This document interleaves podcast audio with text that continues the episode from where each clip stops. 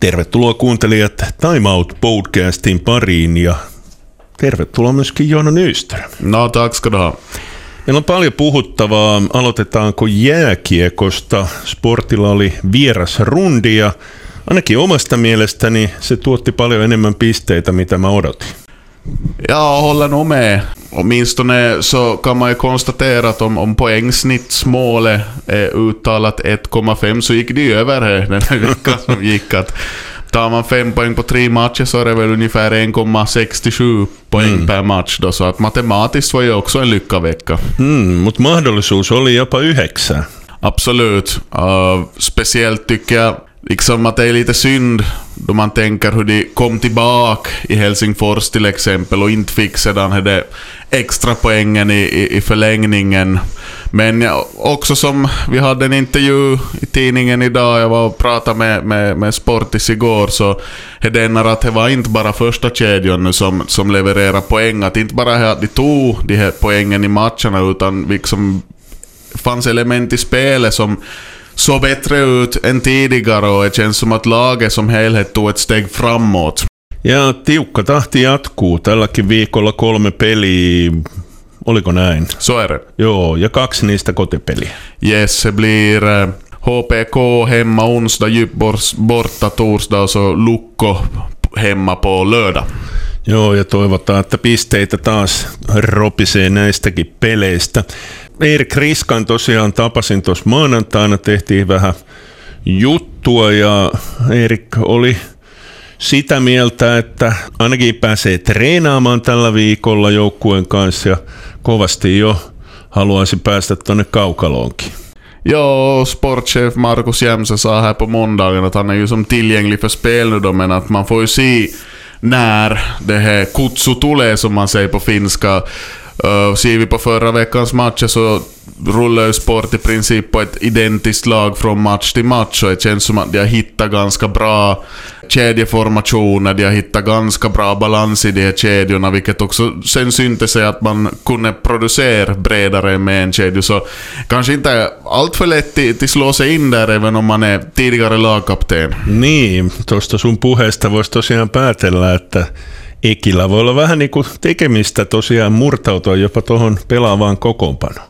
Ja, och sen förstås så kommer det ju till bli skavanker och, skador och säkert någon krasslighet och så det så förr eller senare kommer ändå chansen men vi kan ju också lyfta fram en sån spelare som backen Olli Vantaja som inte haft något skadeproblem eller någonting men han har suttit på läktaren hela säsongen hittills. Han har inte fått en minut ännu i ligan.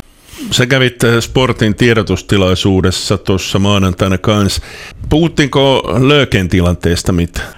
Oförändrat där, att det är några veckor det handlar om. Att både han och, och, och Mikko Salmi och även anfallare så ska kanske komma tillbaka i slutet av månaden. Så det tar nog en stund ännu före vi, vi ser de här, de här gubbarna på, på isen. Men, men jag träffade Jens Löke i, i dörren, han var på väg ut, jag var på väg in där till, till omklädningsrummet. Så han verkar nog vara pigg och på gott humör i alla fall.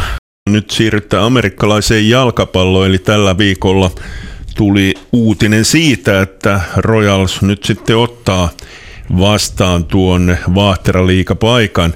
Sekin oli aika mielenkiintoista, että vaikka tuo nousu tapahtui jo kauan kauan aikaa sitten, niin tässä pohdittiin melko pitkään, että otetaanko tuota paikkaa. Ja, lite så seriesystemet ser ut nu också. Att liksom, vinner du division 1 i, i amerikansk fotboll så får du liksom avancemangsoption då. Och så ska lite ses också på att, att är du värd licensen då till spel i FM-ligan. Det handlar om juniorverksamhet och det handlar lite om bredden i vad du har för organisation. Att att de håller på att utveckla det denna på ett, på ett ganska bra sätt tycker jag. Att man ska ha någonting annat än bara ett representationslag som man lyfter fram. Och Royals har ju, de har juniorlag och de har damlag och de har, de har fått ganska bra bredd. Och nu, nu kommer det ju till handel förstås om att samla in pengar. Så att uh, delvis att man klarar säsongen då förstås det blir fler matcher med resor. Det är ju fler lag i, i ligan än vad i division 1 och sen så om man ska klara sig så måste man ju värva in några utlänningar och det handlar ju om nordamerikaner och främst amerikaner då som ska komma in och, och på viktiga positioner och, och stötta upp laget. Joo, juttelin tuossa Royalsin organisaation kuuluvan ihmisen kanssa ja Royalsillahan on vähän semmoinen tilanne, että heillä on tosi hyvä tämä juniorijoukkue ja siinä pohdittiinkin sitä, että miten saadaan sovitettua se, että juniorit voivat pelata myöskin omaa sarjaa ja sitten kuitenkin tätä Vaahteran liikaa. Ja mä uskon, että yksi tämän päätöksen taustalla on ollut myös tuo Divarin todella heikko taso. Oliko siinä nyt neljä vai viisi joukkuetta ja, ja, ja Royals oli aivan ylivoimainen tuossa sarjassa. Ja precis så var det. Fyra lag och det var ju en promenad i parken så att det är ju viktigt också om man tänker på, på helheten att Royals stiger tillbaka till ligan då man ändå har på gång så här bra så inte ska ju spelare ändå spela i en sån där serie för det betyder ju inte att det ger ju ingen utveckling, det finns ingen utmaning där. Så nu kommer det att bli betydligt tuffare men, men samtidigt är det bättre för föreningen som helhet. Kuuntelet Time Out podcastia studiossa Vaasabladetin Joona Nyström ja Radio Vaasan Anssi Marttinen. Ennen kuin mennään jalkapalloon, niin meikäläiselle ainakin tuli todella puun takaa Freddy Smulterin tuleva tehtävä. Ja, no, nu var jag lite överraskad också, men kanske ändå inte. För Freddy har ju varit tränare länge i Malax. Till att börja med han var med och återstarta det representationslagsverksamheten i och med ishallsbygge och allt det här. Och de har en ganska bra hockeyboom där. Och, och, och jag hade ju mycket att göra med honom före också då han ännu tävlade i världseliten i styrkelyft. Och vi har ju pratat en del hockey här under åren och man har märkt att det finns nog ett ganska stort och starkt intresse där och det finns från, från sedan Freddy var en liten kläpp också. Och han har ganska bra kontaktnät inom hockeyn, han känner mycket hockeymänniskor, hockeyspelare och så det så att på det viset tycker jag det känns som en roll som ska kunna passa honom ganska bra. Och, och man vet med, med Freddy Smulter att då han en gång ger, ger sig in på någonting så då är det ju 120% och ingenting annat som gäller. Ja, se oli Örebron scoutti, eikö se näin ollut? Han är Finlands scout för Örebro då, som spelar i SHL, så han ska hålla koll på då spelare i Finland som, som ska kunna passa i Sverige. Och, och det var väl visst så att det inte nödvändigtvis heller bara unga spelare, utan etablerade spelare som ska kunna ge mervärde. Så att det blir, det blir intressant att se vad, vilka värvningar som Örebro kommer att göra från Finland i framtiden. Joo, mun täytyy kyllä ihan rehellisesti myöntää, että mä oon aina pitänyt Freddiä vaan anteeksi, tuo vaan oli huono sana, eli voimanostajana, ja ajattelin, että tämä oli lähinnä semmoinen niin kuin harrastus toi Maalahden valmentaminen. En ymmärtänyt, että hänellä riittää kykyjä tällaisiin tehtäviin. Ja, och han har ju nog haft ambitioner. Han har uttalat sagt att det skulle vara intressant, det skulle vara roligt att ha en, en yrkesroll inom ishockeyn. Och det här är ju nu inte en heltidsgrej till vad, till vad Finland ska för Örebro, men att man, vet, man ska ju börja någonstans och det kan ju hända att det kommer större roller i framtiden. Och, och dessutom har han ju förstås brorsan också som är hockeytränare i Sverige och så, där, så han har, han har väldigt mycket hockey omkring sig. Puhutaan edelleen Ruotsin jääkiekosta ja tietysti vähän huonommassa valossa siinä mielessä, että Mikko Mannerin Brynäs on aloittanut kauden todella kehnosti ja nyt siellä ollaan jo mediassa antamassa Mikolle kenkää.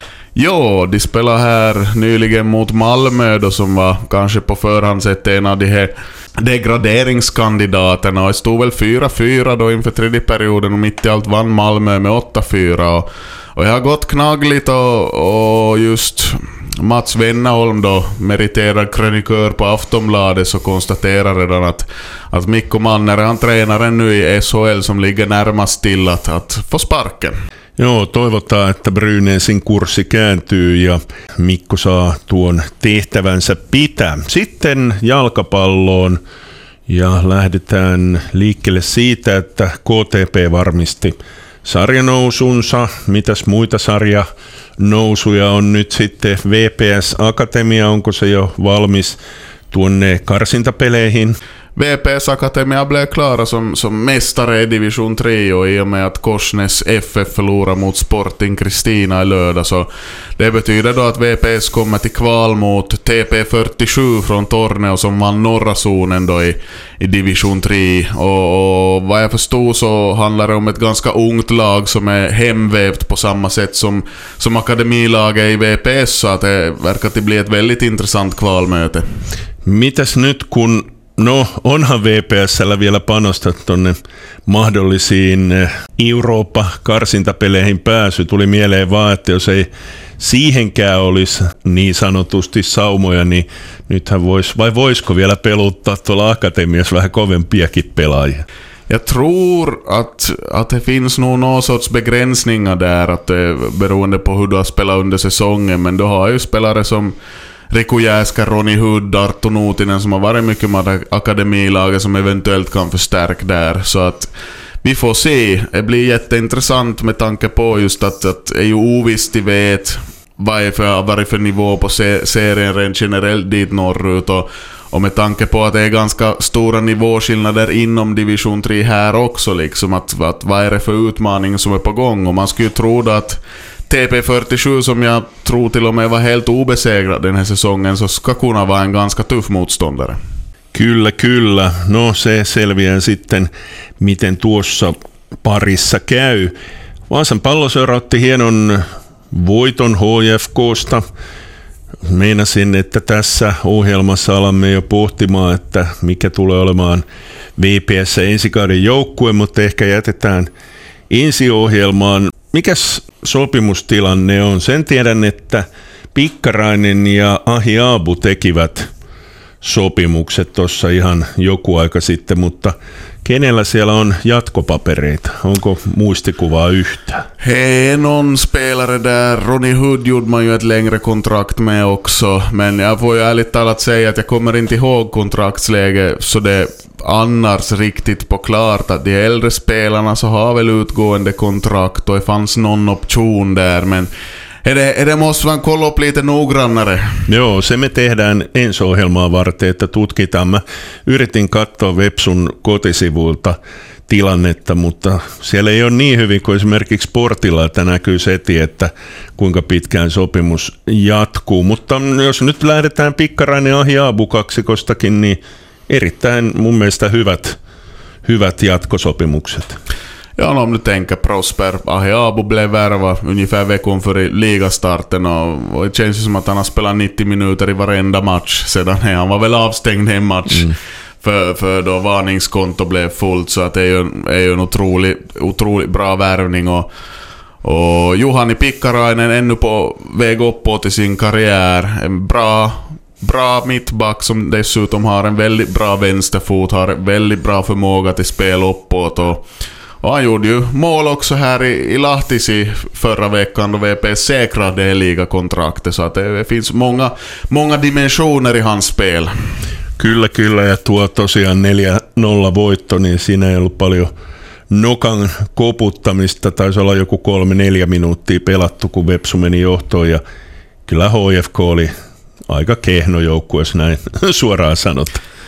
Absolut, att uh, den här brassemålvakten i IFK, Ramilson Almeida, höll ju ner siffrorna. Det skulle kunna bli åtta mål lika bra. Och Oskari Forsman gjorde också ett par räddningar, så det ska kunna bli en betydligt mer målrik match än vad det redan var. 4-0 på hemmaplan för VPS är ju direkt vardagsmat, så att man får ju vara nöjd och glad då en kommer en sån match emot. Sitten tähän loppuun timeoutissa voin kertoa sen, että loppuelämäni tiedän, minkä joukkuelajin ensimmäinen joukkue oli Saala IBK. Mikä se oli laji? Jaa, innebandy. Mm, kyllä, kyllä. Joo, jätetään kuuntelijoille arvoitukseksi, minkä takia minä ja Joona tiedämme jatkossa, että minkä, minkä joukkueella joukkue saa IBK on. Olisiko se tässä? Onko vielä mielessä jotain, mistä haluaisit puhua? No på tal om Sala IBK så kan jag ju säga att voittajan on helppo hymyille. Joo, ja kakkosen on katkerana nieltävä kalkit. Kiitoksia Joona. Tack ska du ha.